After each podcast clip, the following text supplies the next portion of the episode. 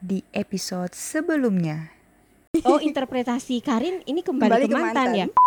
Harus hati-hati jangan baperan. Nah jadi ada juga ini Jadi jangan ngelakuin hal-hal yang terlalu berlebihan seperti itulah. Jackpot, putar dulu podcastnya.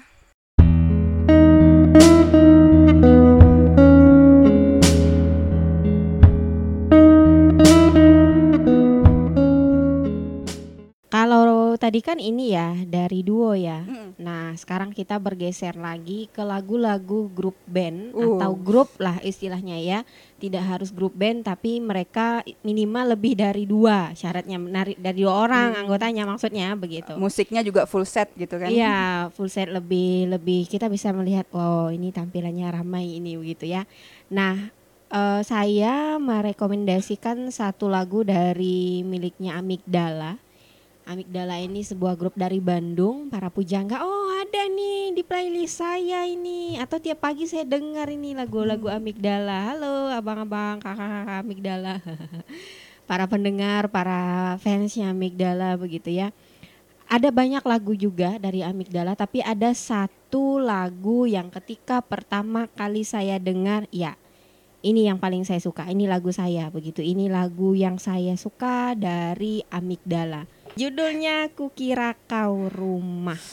Eh, salah Oh. sasaran oh rupanya. begitu ya.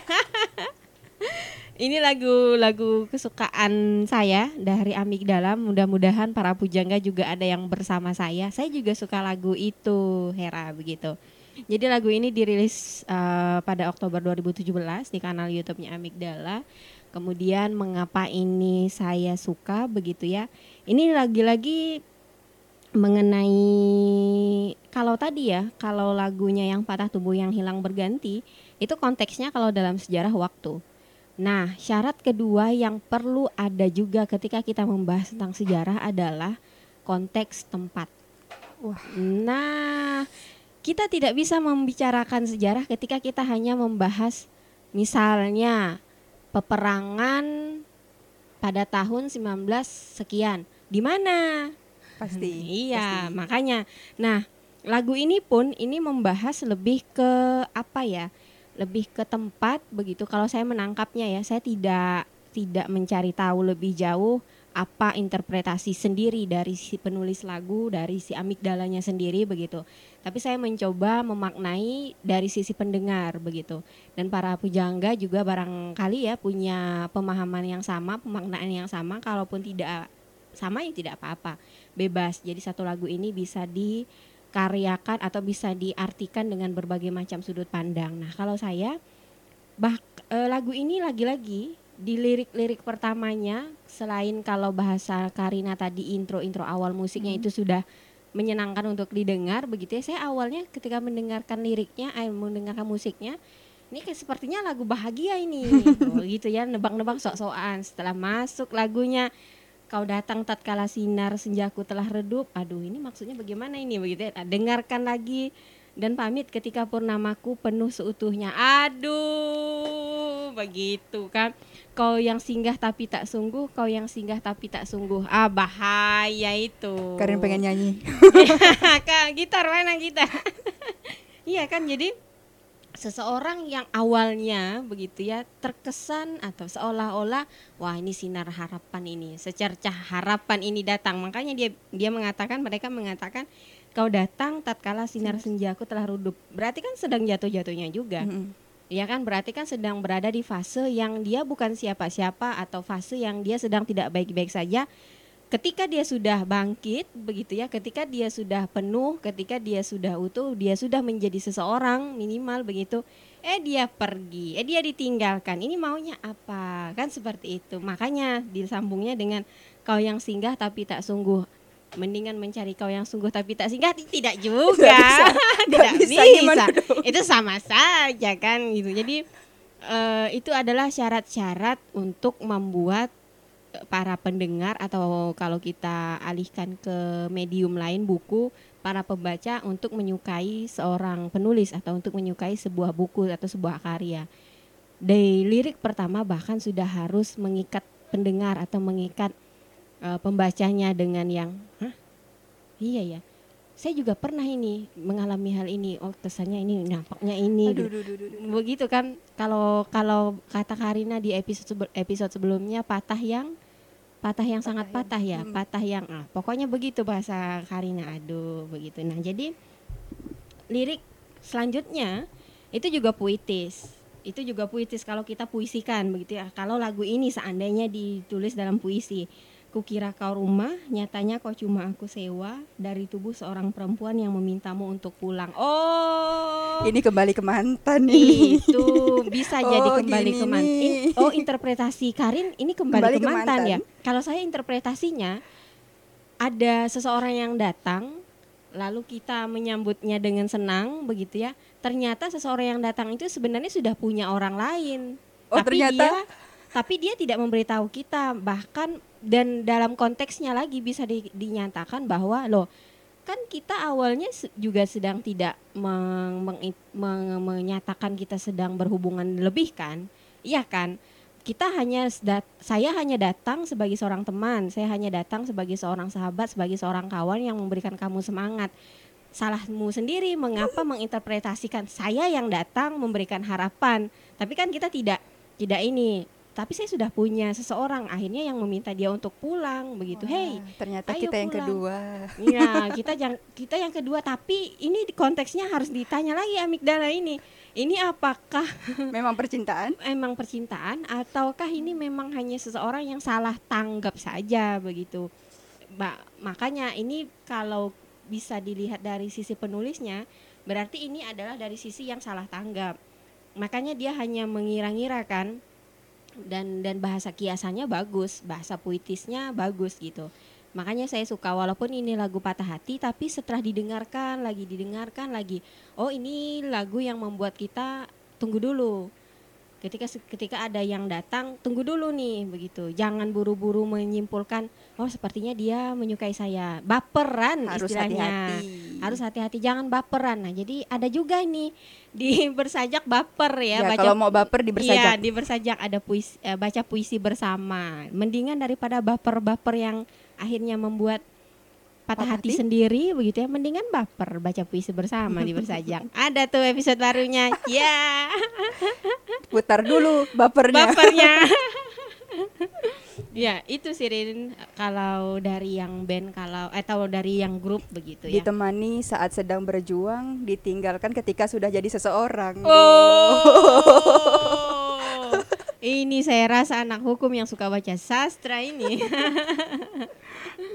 Oke, kalau Kak Hera dan Nah, Migdala, ya. Karin punya payung teduh. Wis, siapa itu sih yang nggak tahu payung teduh? tahu. Akad tet, tet. Apakah lagu akad yang Karin pilih atau Eh, kalau di payung teduh eh, selain akad itu salah satu lagu yang booming juga kan. Mm-mm. Eh, ada banyak lagu sebenarnya yang jadi favorit di payung Iya, teduh. Iya, iya. Tapi betul. Karin memilih lagu ini karena sebenarnya bukan hanya puitis bagi Karin, tapi yang Mhm. kedua adalah eh, intronya yang dalam tanda petik bagi Karin lucu.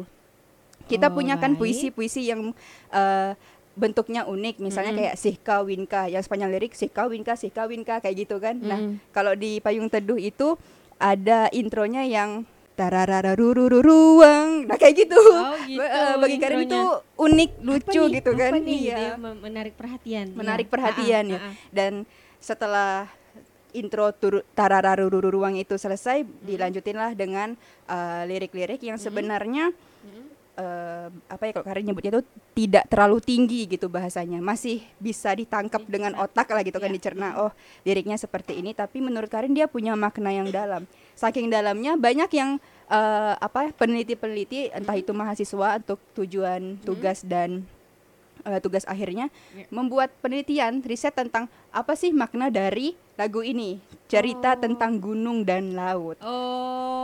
Tararararurururuang Iya, iya, iya, iya, iya. Ah, ah. lagu ini eh, lagu yang eh, salah satu eh, lagu yang ada di album debutnya Payung Teduh dirilis Oh, tahun ah, ah. 2010 lagu yang memang udah cukup lama. Iya.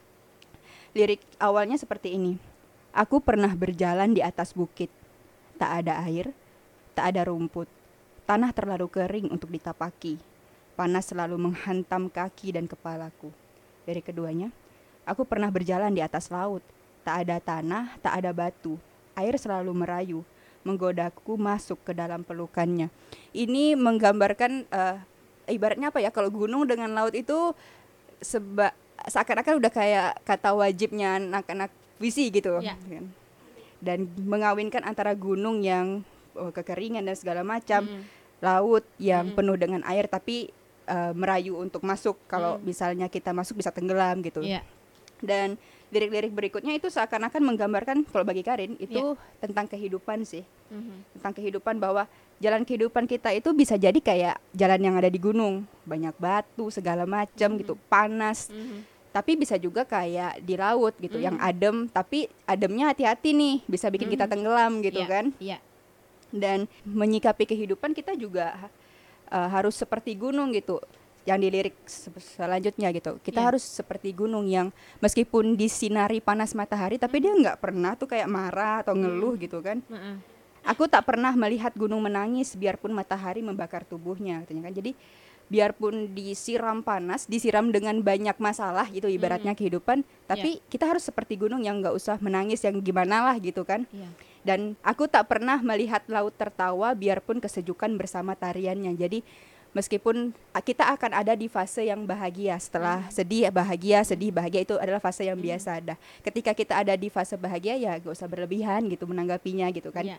Jangan yang apa terlalu over uh, bahagia karena suatu saat kita bakal kayak gunung lagi sedih dan ketika sedih ya jangan nangis yang gimana-gimana gitu karena nggak per, tak perlu tertawa atau menangis pada gunung dan laut karena gunung dan laut tak punya rasa. Jadi ibaratnya ya percuma sih nangis, ketawa atau ngeluhin kehidup eh, ngeluhin masalah hidup sama kehidupan loh. Wong dia juga nggak bisa ngapa-ngapain gitu kan. Jadi jangan ngelakuin hal-hal yang terlalu berlebihan seperti itulah. Itu Iya. sih yang Karin tangkap. Dan apa ya, secara naluriah mungkin ke kita eh, ketika mungkin punya masalah atau apa kadang-kadang ada yang eh, cara melepaskannya itu dengan melarikan diri ke gunung atau ketika kita punya masalah kita melarikan diri ke pantai dan Karin secara pribadi itu punya keinginan gitu untuk ke pantai dan teriak gitu di sana gitu kan kayak oh Oh, gitu iya. kan untuk bisa melepaskan semua beban. Nah, Mhm. itu yang Karin tangkap dari eh, lagu cerita tentang gunung dan laut. Tararararururuang. Iya ya. Kalau Hera singkat saja ya, ingin menanggapi eh, lirik tadi ya, lirik lagu yang Karin sebutkan tadi, cerita tentang gunung dan laut. Ini Hera tertarik pada dua lirik atau dua lirik pertamanya yang aku pernah berjalan di atas bukit, tak ada air, tak ada rumput, tanah terlalu kering untuk ditapaki, panas selalu menghantam kaki dan kepalaku. Lalu lirik kedua yang aku pernah berjalan di atas laut, tak ada tanah, tak ada batu, air selalu merayu menggodaku masuk ke dalam pelukannya. Ini adalah pembanding pembanding bahwa kehidupan kita masing-masing punya tracknya. Maksudnya kehidupan Karina dengan kehidupan Hera itu berbeda. Hera misalnya kehidupan yang di laut, kehidupan Karina kehidupan yang di gunung dan kita tidak bisa membandingkan kehidupan kita dengan orang lain Benar. dan tidak perlu seperti itu. Kalau kita memang tracknya sudah ditet- ditetapkan menjadi gunung, ya sudah jalani itu dengan berani menjadi gunung. Tidak perlu iri dengan laut. Karena percayalah, laut juga iri sebenarnya dengan gunung. Bisa jadi. Begitu. Karena pengen juga kan keseringan dingin pengen panas, keseringan panas pengen Iya, dingin ya kayak kita juga itu, sih. kan. Pas lama libur pengen masuk, pas sudah masuk pengen libur. Eh, sudah seperti itu garisannya, begitu.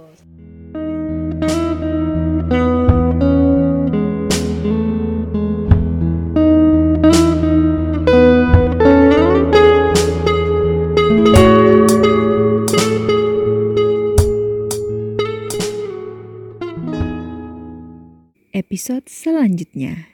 Kita cenderung senang menebak-nebak sesuatu. Karin datang membawa penantang. Wes, ya.